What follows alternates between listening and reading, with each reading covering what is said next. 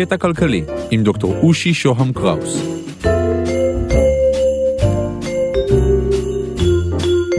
פרק מספר 22, כשהאהבה מתערבבת בכסף.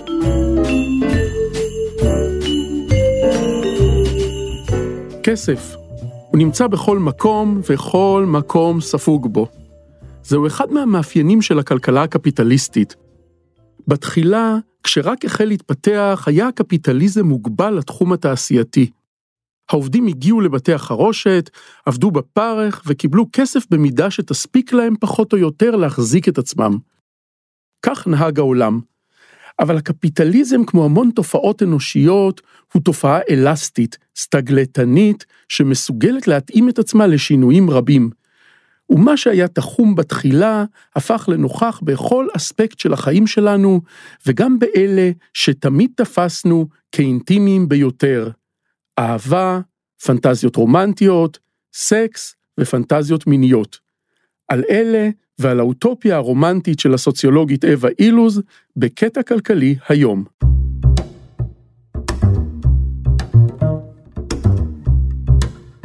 שלום, כאן דוקטור אושי שוהם קראוס, ואני מדבר היום אליך ואלייך.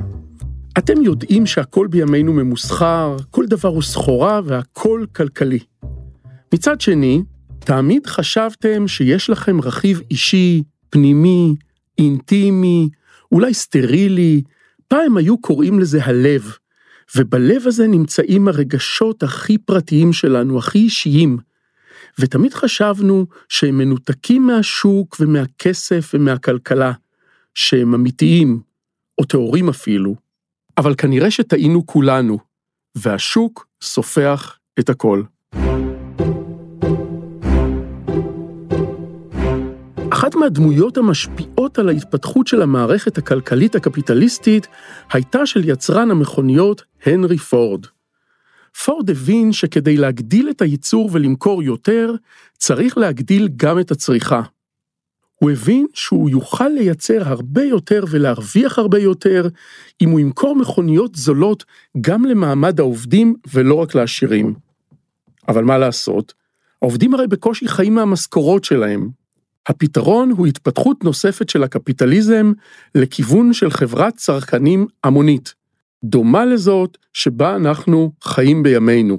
נגדיל משכורת, ובמשכורות בני אדם יוכלו לחיות טוב. כלומר, הם יוכלו לקנות, וזה מה שהם, כלומר אנחנו, עושים מאז. אבל איך גורמים לנו לצרוך?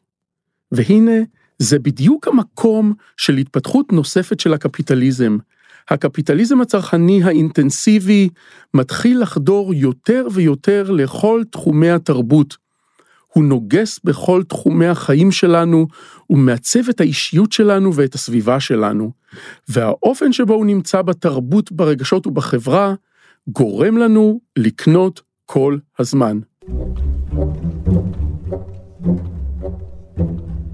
בואו נלך יד ביד עם הסוציולוגית הישראלית, בעצם הבינלאומית, אווה אילוז, שחוקרת את תחום האהבה והאינטימיות בהקשרים קפיטליסטיים, ונתחיל בעזרתה בזירת החיזור הרומנטי-מיני.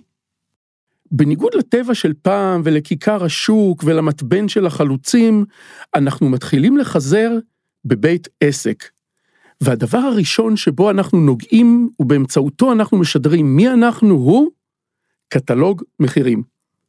אנחנו נפגשים בבית קפה, שם מתרחשת בדרך כלל הפגישה הראשונה שלנו, ככה זה לפחות ב blind dates.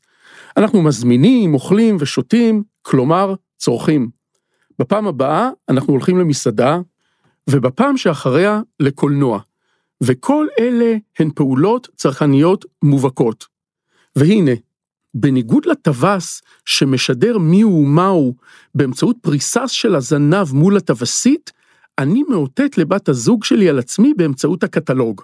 שימו לב, אני יכול להזמין קוניאק רמי מרטן, צ'ונט עם קישקה ותה עם לימון. בכל אחד מהמקרים האלה אני אומר לה מי אני, והאמירה הזאת נעשית באמצעות הזמנה מתוך קטלוג. שאלה נוספת היא שאלת המי משלם.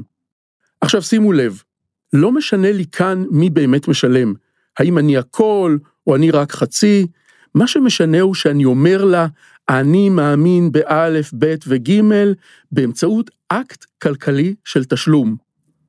אני רומנטי בן הדור הישן, או אני פמיניסט ואולי סתם קמצן.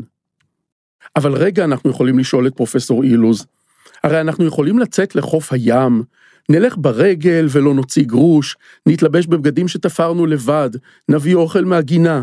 בקיצור, לא נקנה כלום. נשב מול השקיעה ונתנשק. יפה תגיד לנו אווה אילוז, אתם עדיין בתוך זירה כלכלית. תראו, אפשר להזר את הסיטואציה שלנו, כלומר להביט על אושי ובת הזוג שלו שיושבים מול השקיעה במבט זר וחייזרי ומנותק כדי להבין את עצמנו טוב יותר. אז אני מציץ מלמעלה כמו חייזר ומה אני רואה?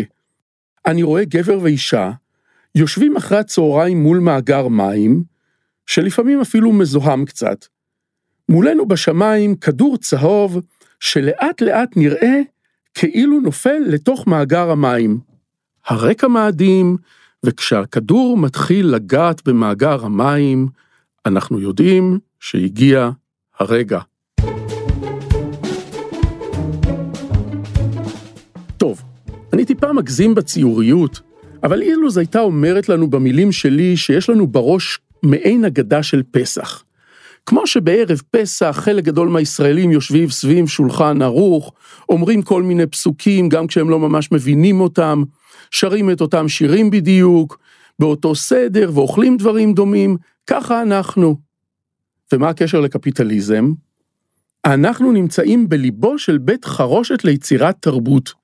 המוני סרטים, ספרים ומאמרים שראינו וקראנו, מלמדים אותנו בדיוק מתי ואיך מתנשקים, מתי רבים ואיך מתפייסים. מכירים את המאמרים האלה בעיתונים של פעם? את רוצה לפייס אותו? הניחי על המיטה קונפטי ורוד בצורת לב, הביאי בקבוק יין אדום, נרות, החשיכי את החדר ויאללה. הגזמתי קצת שוב?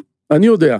לא כולנו כאלה פשוטים, חלקנו נסתפק בחושך ונרות, ואחרים רק ביין אדום במרתף רומנטי בחלק העתיק של פראג. הכל, הכל מהסרטים.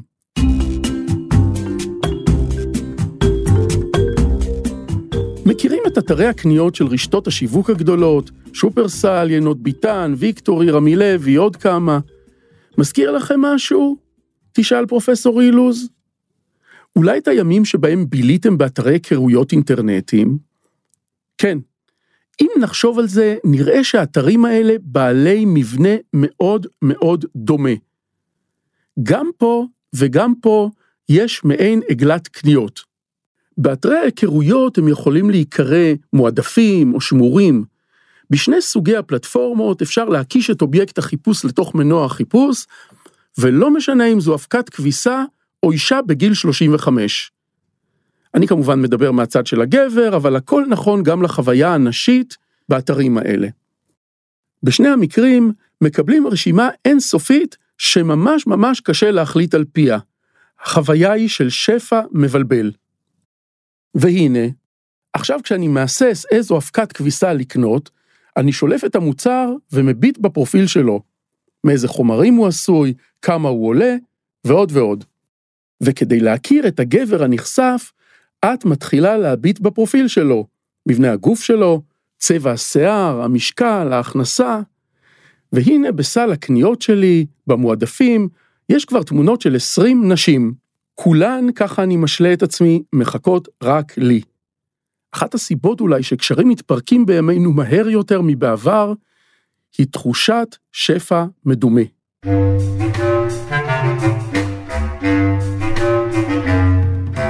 אני לא יודע עד כמה צריך להרחיב פה על פנטזיות פיזיות של גברים או של נשים, ועל מבנה הגוף של האהובה או האהוב.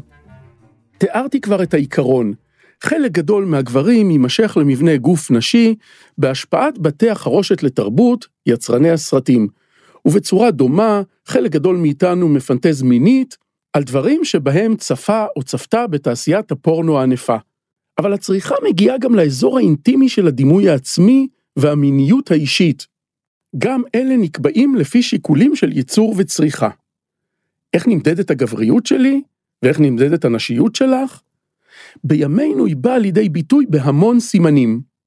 כן, כמו שלטווס יש מערכת נוצות אדירה בזנב, ואיתה הוא מחזר ומרשים את הנקבה, כך גם לזכר של ימינו יש מערכת כזאת, וכמובן גם לנקבה. ולמערכת הסמלים האלה קוראים סמלי סטטוס ואופנה, והם טריקים גאוניים להגברת ייצור וצריכה. הגבריות שלי נקבעת על פי הבגדים שאני לובש, הנעליים שאני נועל, שעון היד אם יש עוד כאלה, המכונית שלי, הסלולרי שלי ועוד הרבה דברים דומים. אלה קובעים את המקום שלי במערכת החברתית, ממש כמו שתרנגול בעל קרבולת גדולה ואדומה יותר, נתפס יותר תרנגולי מתרנגול עם קרבולת קטנטנה. אופנוע יוקרתי ייתפס כסמל סטטוס לגבריות, וקטנוע ורוד יכול להיות פתרון מצוין לנשיות צעירה, נמרצת וזוהרת.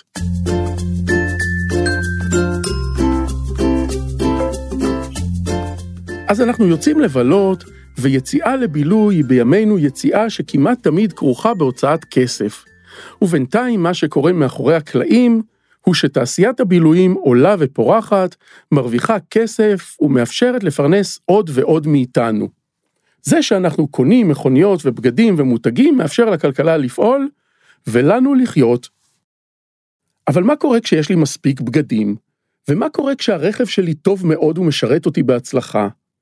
הרי אם נפסיק כולנו לקנות, ייסגרו חנויות הבגדים של הרשתות הגדולות, עובדים יפוטרו, הצריכה במשק תרד, ואז עוד עסקים ייסגרו ועוד עובדים יפוטרו. לכאן מגיעה ההמצאה הגאונית ביותר, קוראים לה אופנה. והאופנה היא הסנדקית של היצור ההמוני בימינו.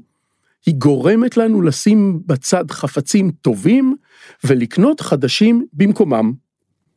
תחשבו למשל על הקקי הקקיביץ' בשמצ'קין, הגיבור האומלל של ניקולאי גוגול, הסופר הרוסי הדגול. בשמצ'קין הזה חולם על קנייה לכל החיים, הוא רוצה מעיל. ובאמת, עד לפני 50-100 שנה, היית קונה מעיל ויופי, תשתמש בו 30 שנה, וכשתמות הוא יעבור לנכד שלך. ואילו היום, אנחנו קונים בגד חדש, והוא מתיישן אחרי שנה. אז מה קרה לבגד? למה הוא כבר לא טוב? התשובה טמונה בהתערבות של המערכת הקפיטליסטית של הייצור בתוך התרבות וברגשות שלנו, בדימוי העצמי שלנו. והיא אוחזת בנו כל כך חזק, עד שגם דוקטורים ומרצים לפילוסופיה של הכלכלה שכותבים על קפיטליזם, לא מרגישים בנוח בבגדים מלפני שנתיים. אז מה, אנחנו כבר לא אותנטיים? הכל מוחדר לנו באופן פרדואידי לתוך הראש, הכל מלאכותי. לא חושב. אני חושב שאנחנו חיים בתוך העולם הזה, נולדים לתוכו, לא יודעים ולא יכולים אחרת. האותנטיות שלנו קיימת, הרגשות קיימים, המשיכה המינית קיימת, הם פשוט מתבטאים באופנים שהצגתי היום. להתראות בפרקים הבאים.